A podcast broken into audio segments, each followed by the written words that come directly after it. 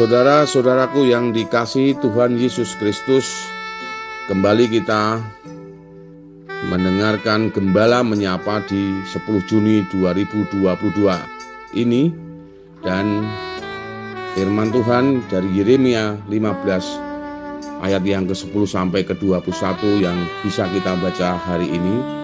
Kemudian kita beri judul Firmanmu Kekuatanku. Saudara-saudara yang terkasih di dalam Tuhan Yesus Kristus, pergumulan hidup adalah bagian dari kehidupan manusia. Tidak ada manusia yang hidup tanpa pernah mengalami pergumulan. Pergumulan hidup tidak mengenal batas usia, jenis pekerjaan, ataupun hal-hal lainnya. Pergumulan juga tidak mengenal waktu. Kadang dia datang pada saat yang kita tidak terduga dan suka atau tidak kita harus menghadapinya. Dan Nabi Yeremia pun pernah mengalami pergumulan hidup yang sama sekali tidak diduganya. Saudaraku yang dikasih Tuhan Yesus Kristus, bacaan hari ini berkisah tentang pergumulan Nabi Yeremia yang dikutuk dan dikejar-kejar oleh orang jahat.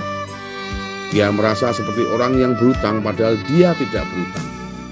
Sedemikian beratnya pergumulan yang dialaminya sehingga Yeremia sampai menyesali telah dilahirkan ibunya.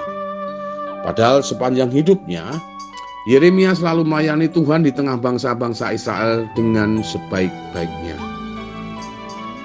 Dan di dalam pergumulannya, Yeremia mengingat firman Tuhan yang menjadi kesukaan hatinya dan memberikannya semangat untuk dipulihkan. Melalui firman-Nya, Tuhan menyatakan akan menyelamatkan Yeremia jika dia mau kembali kepada Tuhan bahkan akan menjadikan Yeremia penyambung lidah Tuhan bagi bangsa Israel. Dan Tuhan akan menyelamatkan dan melepaskan dari tangan orang-orang jahat dan Yeremia akan disertai sepanjang hidupnya.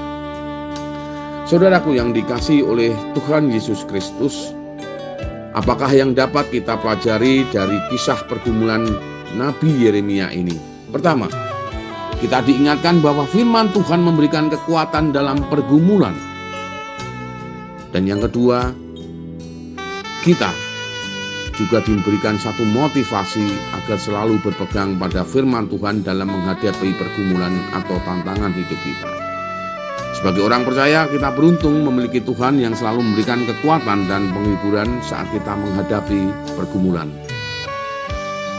Saudaraku yang terkasih di dalam Tuhan Yesus Kristus, marilah kita belajar dari pengalaman Nabi Yeremia dalam menghadapi pergumulan hidup, seraya selalu bergantung pada firman Tuhan sebagai kekuatan kita. Tuhan Yesus memberkati kita semua. Amin.